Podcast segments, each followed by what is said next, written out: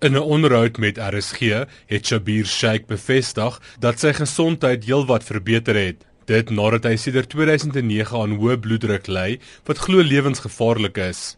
I think honestly speaking it has improved somewhat. I still have regular checkups with not just one physician but two physicians, one in Pietermaritzburg and one in Durban. Every time I go to Pietermaritzburg I get permission from my parole officer. I go and see a cardiologist there. I see a separate physician in Durban. I'm still on my chronic medication. Discovery Health still pays for all of that. Maar hy sê hy twyfel of enigiemand hom in diens sal neem al wil hy hoe graag werk. I haven't started working yet. I'm look contemplating as to what I can consider doing. It's been like since 2005 I think I resigned from the company to 2015. It's like 10 years.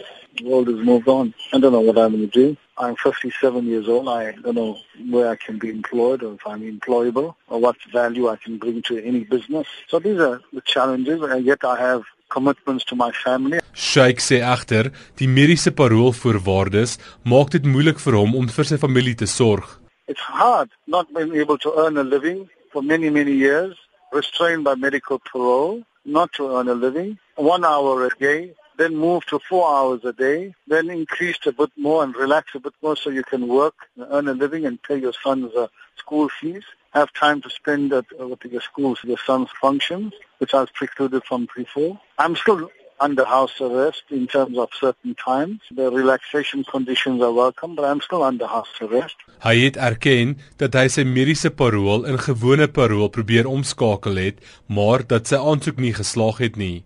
I did make the application in last year November. The application sought to convert my medical parole to a normal parole, and that was because we can understand why a medical parole is being granted in the first place, and we understand the argument of that. But there comes a time when, if God wants you to live a bit longer, then the medical parole has its constraints. The constraints are, as I enumerated in my submission to correctional services, that please, gentlemen, understand that you're not allowing me to work and earn a living. I can't support my family.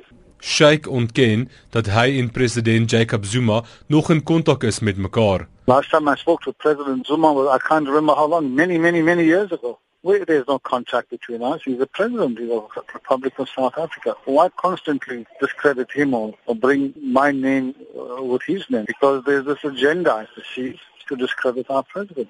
Maar die DA se James self het bevestig dat hulle die paroolraad genader het om Sheikh se paroolvoorwaardes te hersien.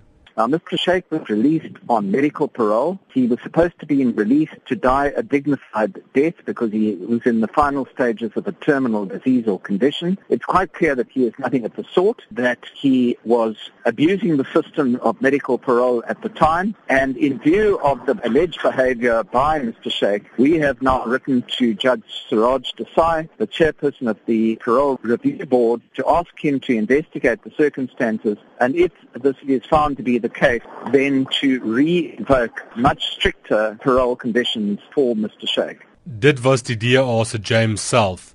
Ek is Jacques Steenkamp in Johannesburg.